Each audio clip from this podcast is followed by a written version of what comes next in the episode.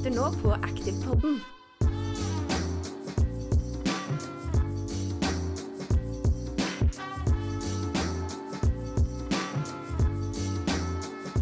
Folkens, gjett hva? Det er en ny episode av Aktivpodden. Og i dag, som dere hørte, igjen Yngvild er med. Oh yes. Eh, vår trofaste gjest, kan man, eh, kan man si. Eh, Mats han er for øyeblikket i Bali og underviser, så han kunne ikke være med oss i dag. Eh, også grunnen til at han ikke kunne være med oss forrige gang. Men vi får eh, holde kåken i, i gang og eh, snakke om dagens tema, som er sommerkroppen. Og eh, da tenker jeg vi sikter oss inn på sommerkroppen eh, 2024, eller hva tenker du, Ingvild? Ja, for er det egentlig noe som er lurt? Hva er egentlig sommerkroppen for deg, eh, Ole Jørgen? Sommerkroppen for meg, altså det er jo på en måte Eller det er ikke på en måte, eller det er vanskelig for meg å svare på. For fem år siden hadde jeg kanskje svart at eh, jeg ønsker å se så ripped ut som overhodet mulig. Eh, se skikkelig maskin ut til sommeren. Eh, men nå i dag så tenker jeg at sommerkroppen er en kropp jeg føler meg vel i. Nok til å kunne gå i bar overkropp eh, når man er på stranda, eller hvor man nå er i verden. Eh, og liksom ikke føler meg beglodd. Altså, jeg føler meg bra, jeg føler meg frisk, i toppform, eh, og kanskje mer mot at jeg klarer å liksom prestere da, på sommeren.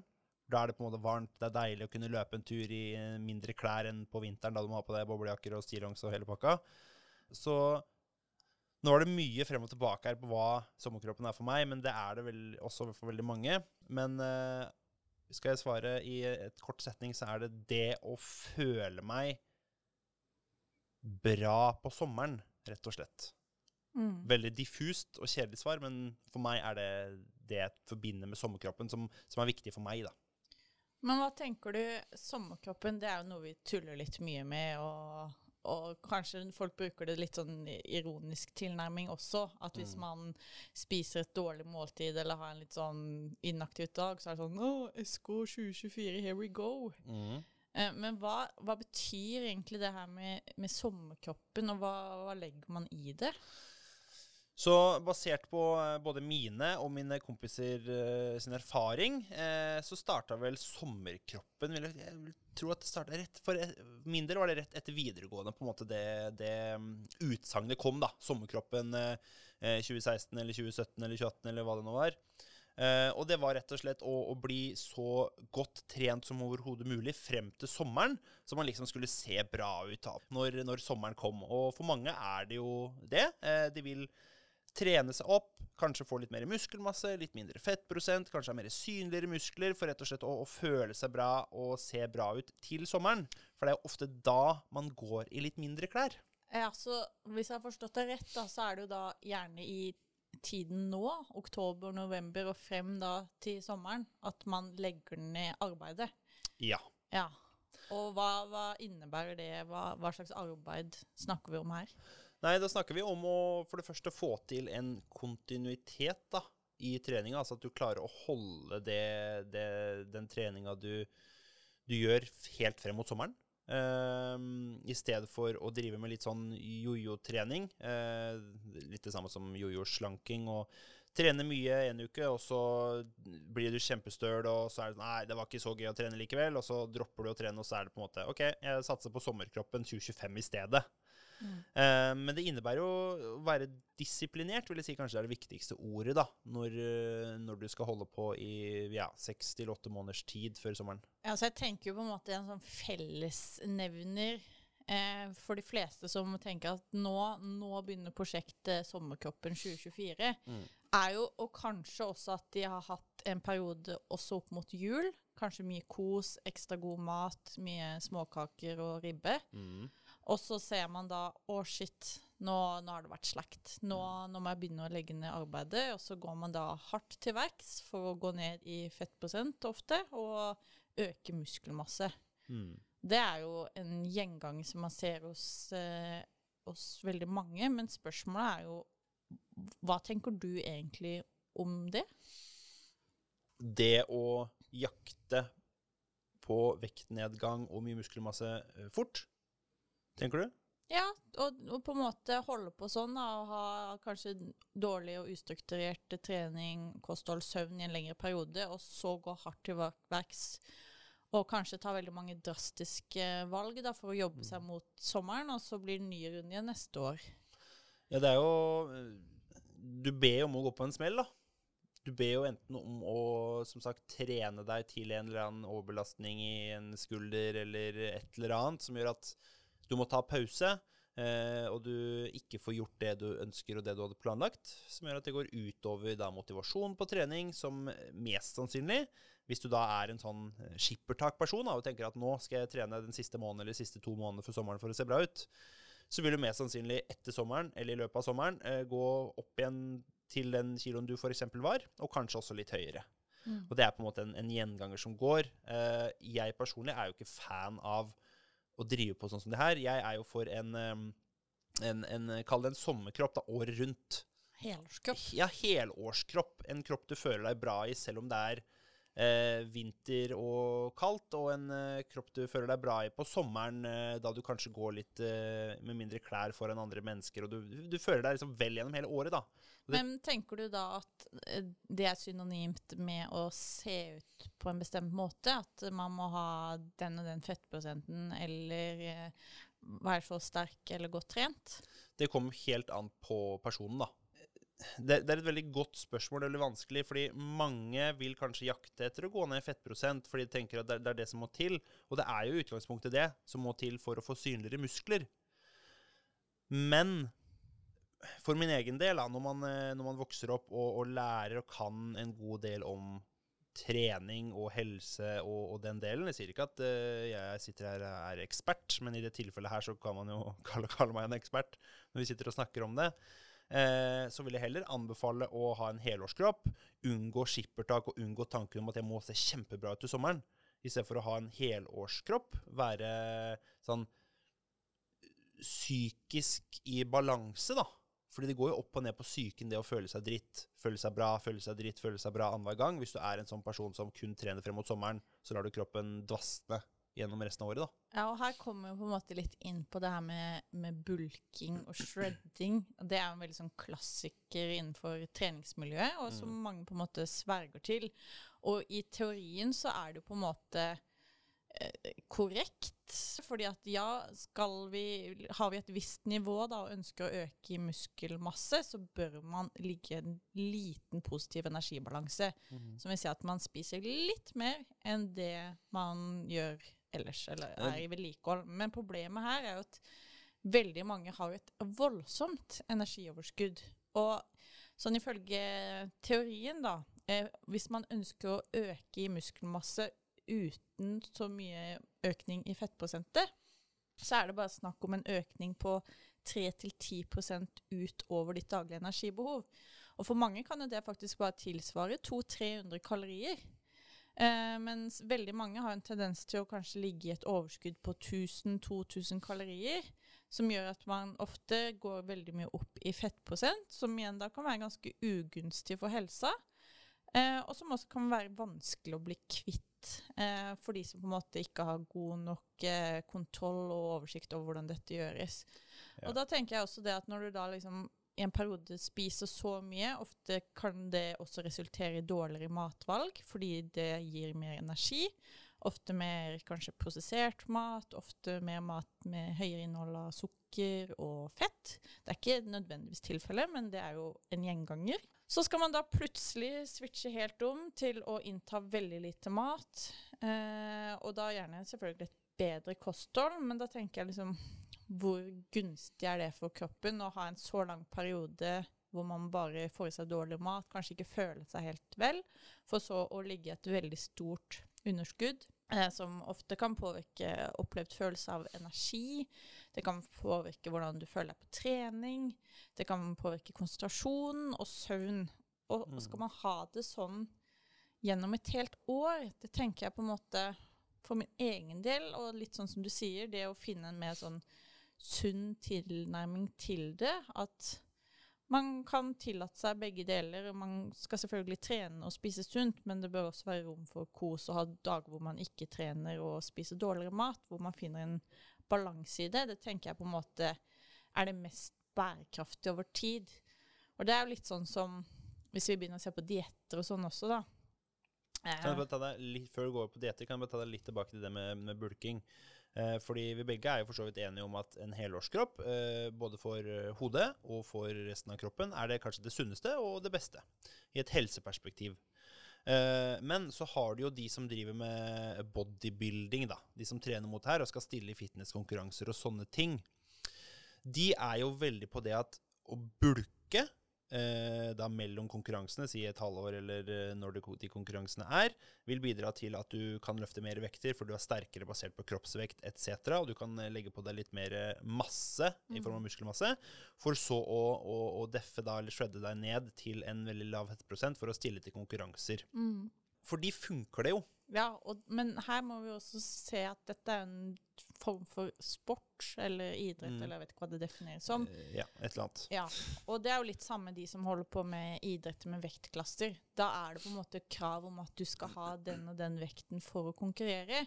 Og det er det samme med, med å stille i bikinifitness. Da. Du vet at du vinner jo ikke hvis du har for høy fettprosent, fordi det er det sporten krever.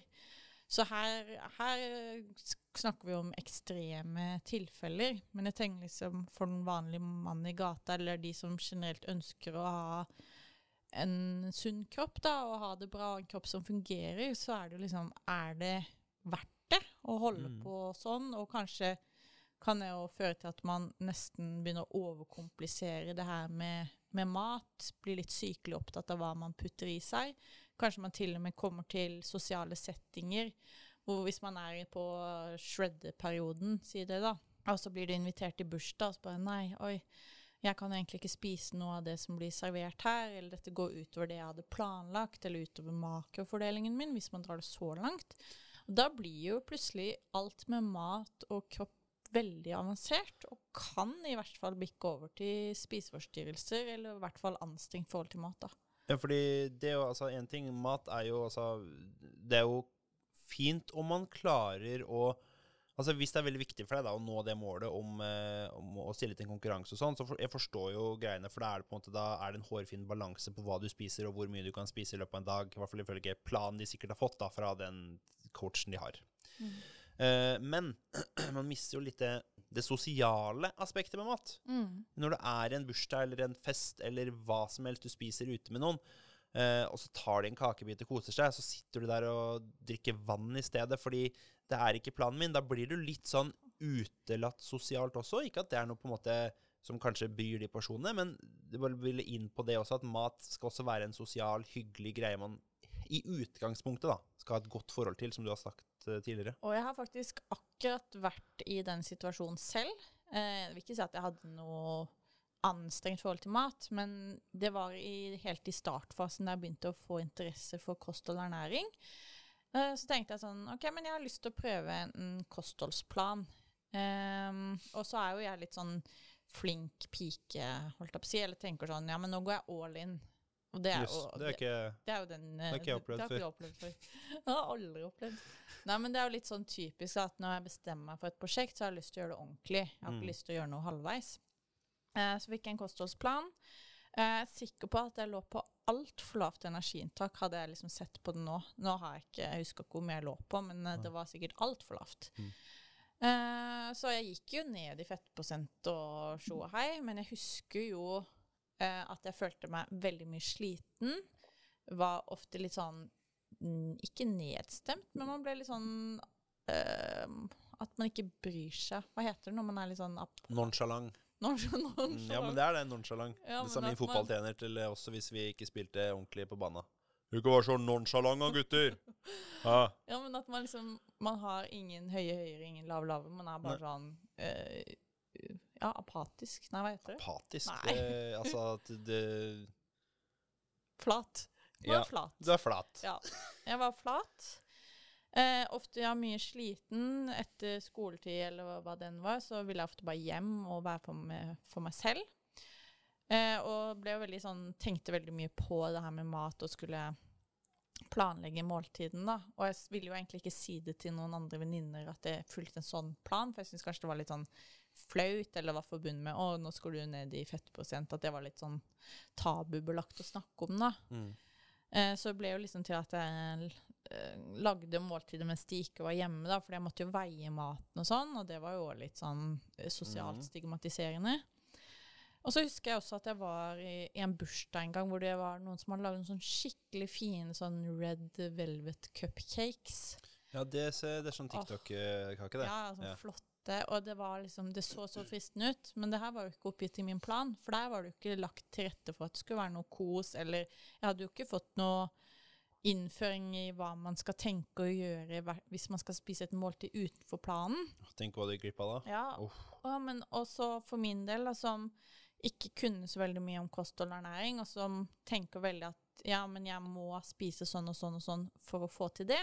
Man tenker veldig at det er to streker under svaret. Så gjorde det at nei, jeg takka nei til kake og satt der og var liksom ja, den kjipe som du sier, drikke vann eller brus, fordi jeg trodde at det var det som var nøkkelen til suksess. Mm. Men så ser jeg jo i ettertid ble jeg noe lykkeligere av det? Nei, kanskje heller motsatt. Mm. Eh, hadde jeg det noe bra i den perioden? Nei. Eh, og jeg gikk glipp av mye sosiale settinger fordi jeg på dødelig skulle følge den planen som eh, Ja, jeg skulle få sommerkroppen 2016 eller noe sånt, da. Mm. Så det er det jeg er litt redd for. Eh, Mm, at for noen så kan jo det her jo holde på sånn at Ja, som du sier, hvis man ser på det aspektet at man kanskje yter mer på trening, og at man ergo da kan bygge mer muskelmasse og få eh, høyere grad av resultater, Mm. for så da å klare å snu om trenden igjen og, og få den fettprosenten som er ønskelig, så ja, altså whatever floats your boat, men for veldig mange da, så kan det bli den følelsen som vi snakker om, eller som jeg opplevde, eller at det bikker andre vei, at man ikke klarer å snu tilbake, da, så det gjør at man egentlig kanskje utvikler overvekt og fedme på tid, da, fordi man ikke klarer Mm. å finne noen gode rutiner, og så blir det liksom sånn jojo-slanking eller jojo-trening, eller det blir liksom ikke noe mm, balansert og sunt forhold til det her med mat som man klarer å holde over en lang tid, da. Og det det, er jeg redd for. Ja, eh, men eh, det skjønner jeg godt. at Det er på en måte en fallgruve som mange gjør når de følger en sånn plan. I hvert fall når den er så spesifikk. Det er forskjell på å ha en plan, eller ukeshandle. Det, det er en plan det på hva du skal spise i løpet av uka. Eh, men for de som Jeg har en kompis som er veldig opptatt av tall, da. Eh, og for han så vil jeg absolutt ikke anbefale å telle eh, mat eller telle kalorier og veie og sånne ting. For da blir når man allerede er så oppslukt av tall i forhold til treninga, sånn hvor langt jeg løper, hvor fort jeg løper, bla, bla, bla, eh, så er jo det bare en 100 garantert fallgruve at ok, han kommer til å bli oppslukt av det her. Og han kommer til å på en måte henge seg opp i det, kommer kanskje til å gå feil vei da, eh, i forhold til målet som da er å liksom, kunne jeg si, gå ned i vekt. da. Eh, men det, det, det er ikke noe positivt i det her, men det positive med du fulgte planen, er at du viser jo for deg selv at du er dedikert og har disiplin. Mm. Og det er jo en god egenskap, men den disiplinen bør jo kanskje ikke gå utover eh, det totale bildet, som du sier, da, så du ikke på en måte får vært med med det sosiale, du går glipp av mye du kanskje ja, ikke nødvendigvis angrer på, men som du kanskje skulle ønske du hadde vært med på da, på den tida. Mm. Um, så det tenker jeg på for de som skal på en måte prøve å oppnå den sommerkroppen. Hvis det fungerer, hvis du har en god kostholdsveileder eh, Du kan forresten ta kontakt med Ingvild, hun er veldig flink. Eh, men hvis du vil ha en god kostholdsveileder, så vil mest sannsynlig kostholdsveilederne sette opp en plan til deg først og fremst som ikke baserer seg så mye på kalorier og vekt og veimat, men at du først ser på helheten i hva du spiser, og kanskje endrer noen av vanene dine. Og bare det i seg selv vil kanskje føre til at du, ja, at, du, at du ser litt slankere ut, at du klarer å oppnå eh, den sommerkroppen du ønsker, da, i stedet for å laste ned FitnessPal, gå rett på å telle kalorier fra dag én, og du har egentlig ikke kunnskap om hva du skal spise, hvor mye du kan spise av hva, og så, ja, så går det bare Ja. Og det her er jo sånn typisk at ja, veldig mange kanskje begynner å Fordi man ser jo etter liksom to streker under svaret, og hvordan påvirker ulike matvarer kroppen min. Man glemmer å se på helheten, man ser, på enkeltfaktorer. Og da er det jo litt typisk at man begynner å eliminere matvaregrupper fra kostholdet, fordi det er en enkel måte å sette noen restriksjoner i forhold til seg selv. Men da er jo på en måte All forskning heller jo mot det at hvis det er noe du ønsker å ha resten av livet, så det, må du finne et kosthold du trives med. Mm. Og det er på en måte uansett hvilken diett man ønsker å prøve. Og hvis du da velger å kutte ut søtsaker eller la oss si karbohydrater, da, er dette noe du ville gjort resten av livet? Still deg selv det spørsmålet. Mest sannsynlig så sier du nei. Jeg sier nei. Ja, du sier nei, Mm. for du er glad i pizza. Jeg er glad i pizza, jeg er glad i, ja, som dere sikkert har hørt, så er jeg glad i taco også. Men uh, veldig glad i, i spesielt bakst, spesielt alt som har med karbohydrater å gjøre, smaker jo godt. Ja, det jo det. Så det er vanskelig å gi det opp. Hvis det er liksom det du står opp om morgenen på en søndag, for eksempel. Eh, og så har du bakt kanelboller, Ja. og så setter du deg ned, ser på et hyggelig TV-program, uh, eller sitter ute i sola på balkongen, hva som helst, med en kopp kaffe og en kanelbolle som er fersk. Mm. Så det er ikke så mye bedre enn det. Altså jo, selvfølgelig kunne du bytte ut kaffen, men, men kanelbollen var på en måte poenget, da. Ja. Man går glipp av mye. eh, og det betyr ikke at du trenger å gjøre det her. Det betyr Nei. bare at du må prioritere andre ting. ja, fordi at hvis du sier til deg selv at OK, innrøm at nei, men jeg kommer ikke til å klare å leve med dette resten av livet, da er egentlig løsningen ganske enkelt. Da, da er det ikke den tilnærmingen du skal gå for, da. Da har du egentlig ikke motivasjon til å holde på det her. Da har du bare et mål om at jeg skal se bra ut til sommeren. Det er det. Ja, en ytre faktor, Ja. rett og slett. Og det, vi kan sitte her og snakke lenge om eh, motivasjon, indre og ytre faktorer. Ja. Men det vi på en måte prøver å si, er at jojo-slanking, ja, det funker der og da.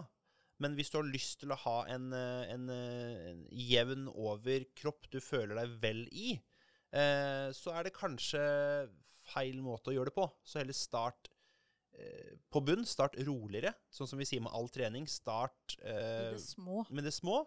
Og så prøv å øke litt og litt og litt, og vedlikehold treninga og eh, kosthold og alt gjennom, eh, gjennom hele året, da. Mm. Jeg spesielt, når jeg begynte å trene på en måte nå, jeg, jeg hadde lyst til å trene ordentlig, det var jo for lenge siden på, på videregående, men da følte jeg at nå Jeg hadde starta med å trene for jeg hadde lyst til å se bra ut. Mm. Selvfølgelig, det er det for alle gutter i den alderen. Eh, men når du på en måte kommer deg til et visst punkt, så er det sånn åh, det var jo veldig gøy. da, Jeg har hatt skikkelig fremgang innenfor styrke, fremgang innenfor løping, eh, for jeg drev jo med litt forskjellig. Eh, og da blir du mer motivert til å faktisk kanskje bli bedre på de tinga enn å ha den sommerkroppen, da. Ja. Den kommer jo som en bonus. Ja, og det tenker jeg heller bør være en gevinst, som du sier. da. Mm. Det at man har en velfungerende kropp og trives på trening og har det gøy, så kan heller det resultatet av hvordan kroppen ser ut, det er bare en ekstra bonus. Men så kan vi jo liksom begynne å snakke om det her med fettprosent også, da. Eh, og visste du det f.eks. at jenter har 13% essensielt kroppsfett? Det vil si at vi må ha minst 13% i fettprosent for at alle hormoner og alt skal fungere, for at vi skal ha menstruasjon og hormoner og sjå hei. Mm. Om jeg visste det? Ja. Ja, du sa det til meg i stad, men eh, før det så visste jeg ikke det, nei. Nei. Men, uh, Det er men, jo også sånn- hadde litt eh, mindre, var det ikke det? Ja, for menn så er det bare 3% så det er jo henholdsvis mye lavere. Så det betyr jo at menn kan tillate seg å ha lavere fettprosent sånn eh, på generelt basis. Men når det er sagt, så trenger man ikke å tilstrebe å prøve å ha en fettprosent på 3 eller 30 Nei, For fordi- da er du på en måte på grensa til at det blir.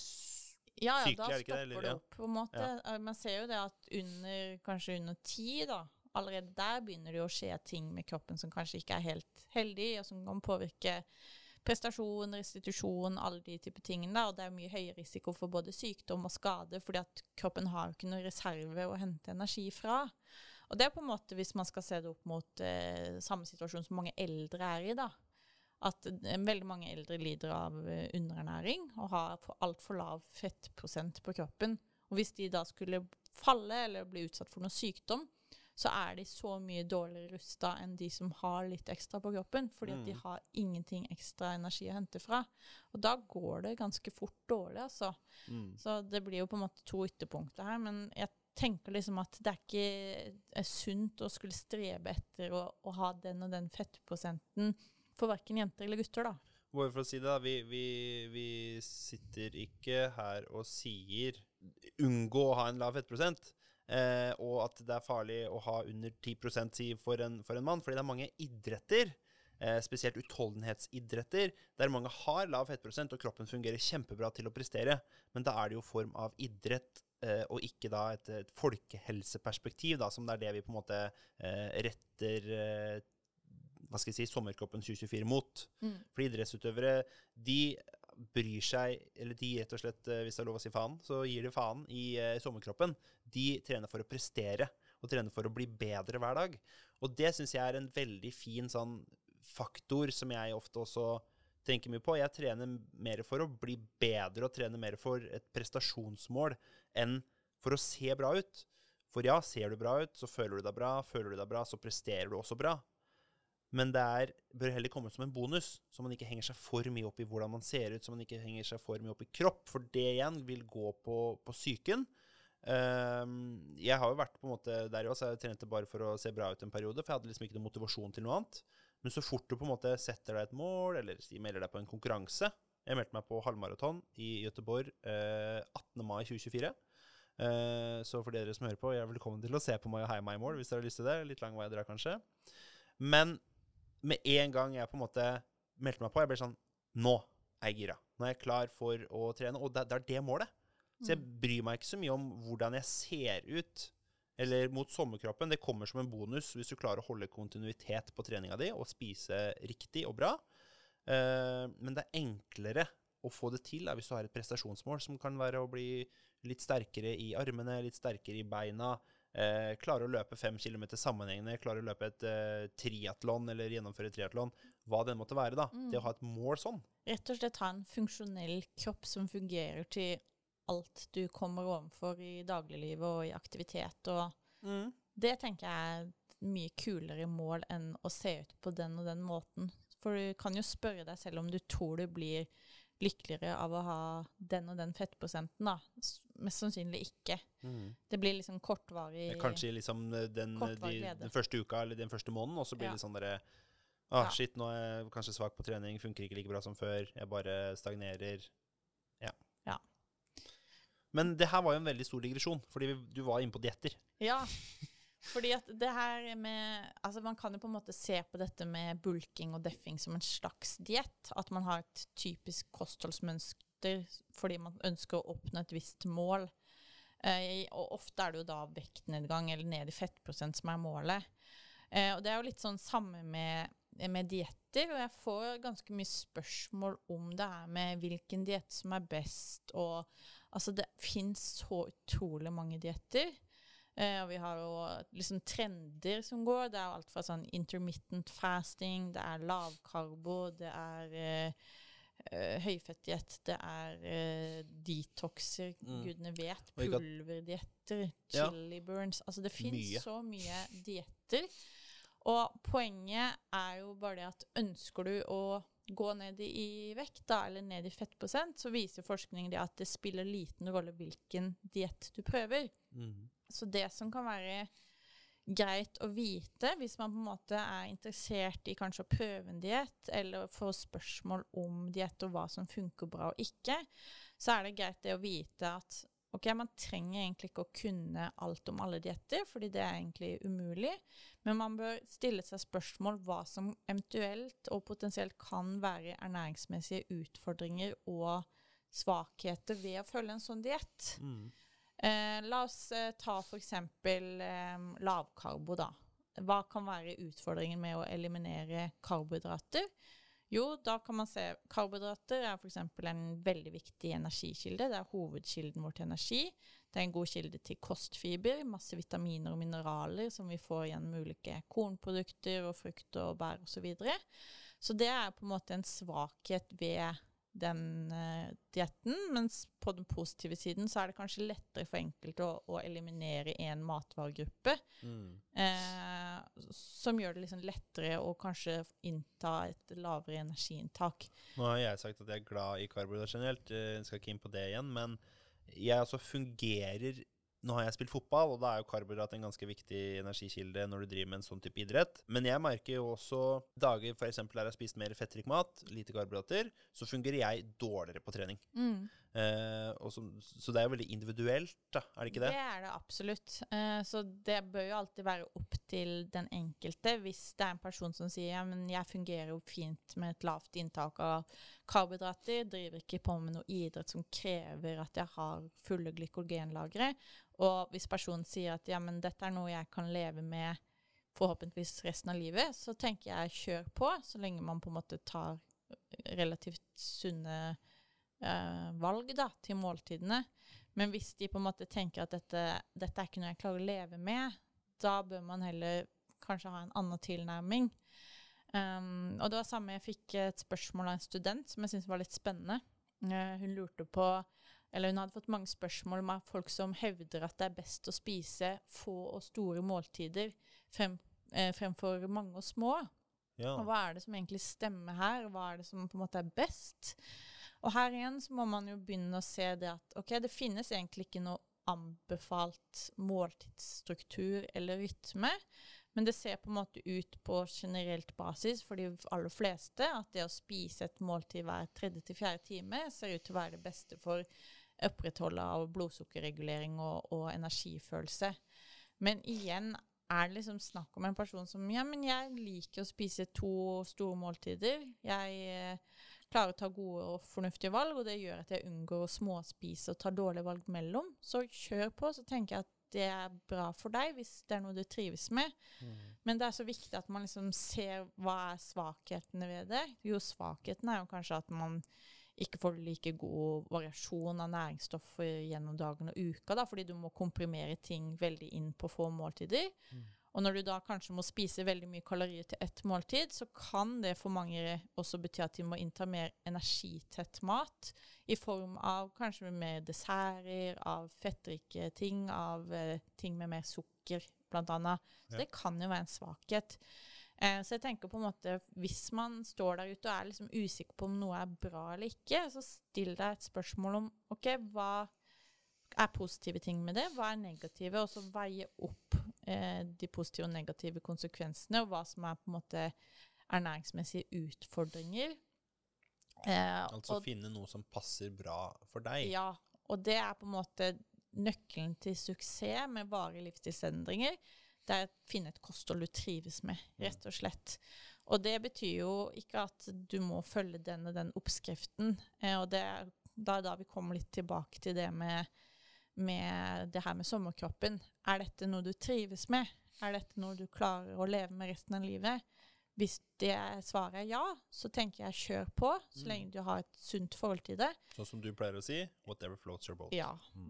Men hvis du tenker at nei, det her syns jeg er slitsomt, det påvirker mine tanker, og jeg har det egentlig ikke så bra rundt det, og føler meg ikke Ja, det gir meg egentlig ikke så mye, da tenker jeg at da ville jeg kanskje heller vurdert en annen tilnærming og ha en mer balanse til det, hvor at du stort sett tar gode valg, men hvor det også er rom for kos og festligheter og, og sånne type ting. Litt sånn 80-20-regel pleier jeg å si fungerer bra for de fleste, for da har du en sånn tilnærming til det at eh, jeg ønsker å fylle på med god mat og trene, men det går også fint om jeg har en dag som jeg ikke gjør det. Ja, så 80% ikke, og så 20 Ja. trene. det. That's the way. Ja, men jeg, jeg er enig, enig i det du sier. Altså. Og der har vi jo et, et godt eksempel på om man trives med det eller ikke. Det er jo en, en skuespiller som har vært ganske ærlig om det, han, eh, Zac Efron. Ja. Eh, da han var i, i rollen innenfor Baywatch, eh, så var han jo Han så helt vanvittig ut. Eh, og han sa at det er det verste tida han noen gang har hatt i livet sitt. Han syntes det var utrolig vondt og vanskelig å opprettholde en slik sommerkropp, kan du si. Det er litt sånn kropp han skulle ha i den filmen. Mm. Fordi det krevde så mye, og det er noe han aldri hadde lyst til å gjøre på det nivået noen gang. Da. Han kunne opprettholde en, en, en fin kropp til en film, sa han, men ikke så mye. Nei. Og, og han, eller spesielt skuespillere da, som skal være frem og tilbake i filmer, se sånn og sånn ut, de driver med det hele tiden. Mm. Uh, og du ser jo hvor mye det går utover mange av skuespillerne Ja, psykisk. hvor mye det kan tære på, ja. Ikke sant? Og jeg tror også en veldig sånn fellesnevner for alle som har sånne restriktive kosthold, er at det er jo det med tilbakefall. Det er jo en naturlig del av å endre seg, eller Mm. f.eks. gå ned i vekt. da. Og det veldig mange opplever på, er jo en form for at de har mislykkes, eller at hele uka er ødelagt hvis jeg hadde én dårlig dag. Mm. Og at de sitter med skam og føler seg dårlig, da. Og det er jo en situasjon vi helst vil prøve å unngå.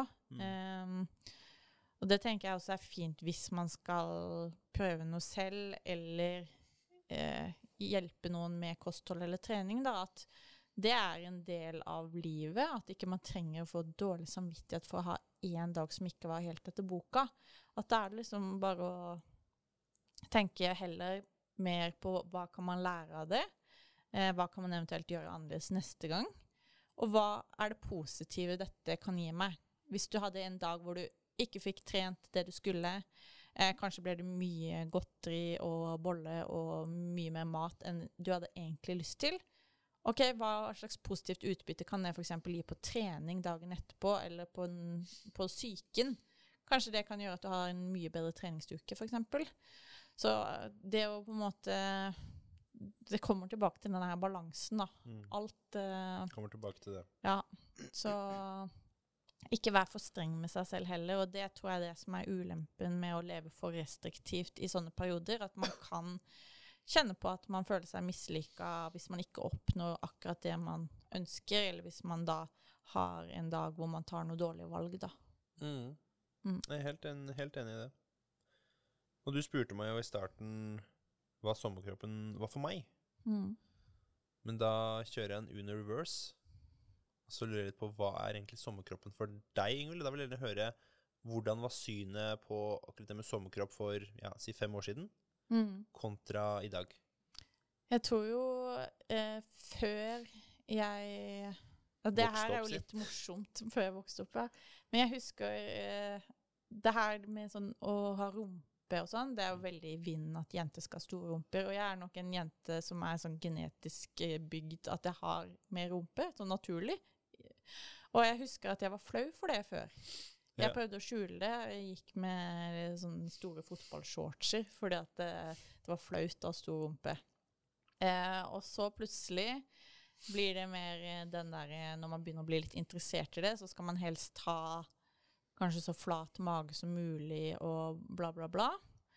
Mens nå som jeg har liksom et, har mye mer kunnskap og erfaring og vokst opp, som du sier, Så nå velger du å ikke gå med store Nei, shortser? nei, men nå tenker jeg at det som er sommerkroppen for meg, er å ha en kropp som funker til alle aktivitetene eh, jeg driver med, og en kropp som har energi, og en kropp som jeg føler meg vel i.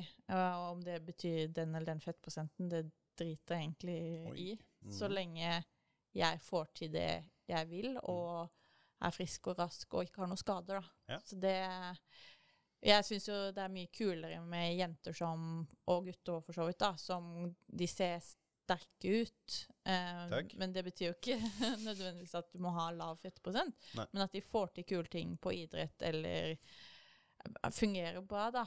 Eh, Mm. Men samtidig også har et sunt forhold til mat, og at de kan kose seg eller dra ut på byen en gang iblant. Jeg syns det er mye kulere å ha den tilnærmingen enn å være superrestriktiv og spise Sitte og spise riskaker, sånn som du pleier å gjøre. Nei, det er for trening. Er for Nå, trening. ikke, ikke bland meg inn med det der. Nei, men du skjønte hva jeg mente. Jeg skjønner hva du Ja. mener. ja, nei, Synet på sommerkroppen har nok endra seg litt for meg også. Eh, Mm. Det har Til det. positive, eller? Ja, til å ha et mye mer avslappa forhold til det, og tenke at liksom Heller mye mer på hva kroppen kan få til. Mm. Eh, og at vi alle er forskjellige uansett. Eh, Mm. vi kan ikke egentlig helt bestemme hvordan vi skal se ut. Vi, er, vi har fått den kroppen vi har fått, så Mm. det er jo opp til deg eh, hva man ønsker å gjøre med den, da, og gjøre det beste ut av det. Og man kan fortsatt være en sunn og frisk og rask person eh, uten å ha den og den fettprosenten, eller så store muskler der og der, eller stor rumpe, liksom. Så det Mm. tenker jeg er eh, Det er det jeg kjemper for. Ja. Og det her er jo vårt syn på hva vi tenker sommerkroppen er, og det er hva enn du som sitter og hører på, eh, forbinder med sommerkroppen, så sier vi ikke at det er feil. Eh, siden det er, som vi snakka på i starten, også helt individuelt man, hvordan man definerer noe. Men når det er sagt, så vil jo jeg heller anbefale å jakte en helårskropp i stedet for en sommerkropp. Mm. Da er det enklere å holde kontinuitet, altså du klarer å holde på trening og spising og rett og slett være dedikert i, i deg selv da, over en lengre periode, og slippe på en måte å ta de skippertaka, da. Eh, selv om det fungerer der og da, for å oppsummere, i lengden så Det er ikke bærekraftig. Det er ikke bærekraftig, så ha heller en kropp du trives med gjennom hele året. Ja, og tenk også at alle kropper er forskjellige. Vi lagrer fett på ulike måter. Vi er ulikt anatomisk bygd. For noen er det kanskje mye lettere å få synlige magemuskler. For andre så skal det veldig mye til da, for at det skjer. Og det betyr ikke at noe er bedre enn en annet. Så for å oppsummere, ikke sammenligne seg for mye med andre. Og ikke tenk at, at man må se ut på den og den måten for å være lykkelig. Ja, da bare for å trekke noe der. Der har du jo typisk sosiale medier, Mm. som kanskje mange har. Å, han der har drømmekroppen. Men man kan kanskje aldri se ut som den personen, fordi dere er ulike genetisk bygd. Eh, men igjen, fint å ha mål. Eh, men det å sammenligne seg med andre kan jo heller by på mentale utfordringer. Mm. Eh, litt sånn demotiverende fordi du kanskje aldri oppnår å bli sånn som du ønsker å bli. Så fokuser heller på deg selv, Ja. vil jeg påstå. Og så vet man jo, man ser jo bare glansbildeversjonene på sosiale medier. Så man vet jo ikke hvordan de egentlig har det, eller om det er lysforhold eller eh, Ja, som gjør at det bildet ser bra ut, da. Nei, det er Mm. sant. Helse er best. Helse før sixpack. Ja. Ja. Word. Men kan man ha begge, så er jo det kjempebra også.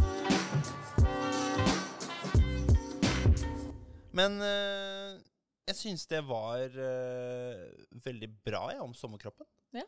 Uh, dratt det litt i ytterpunktene, men eh, Mm. håper du fikk noen uh, nye tanker, og at vi sier ikke at noe er rett eller galt, men still deg selv spørsmål om årsaken, og om Mm. dette er noe for deg. Og hvis det er det, så kjør på. Hvis ikke, så kan du kanskje ja, finne en annen tilnærming. Ja. Men det høres bra ut. Alle er fine som de er.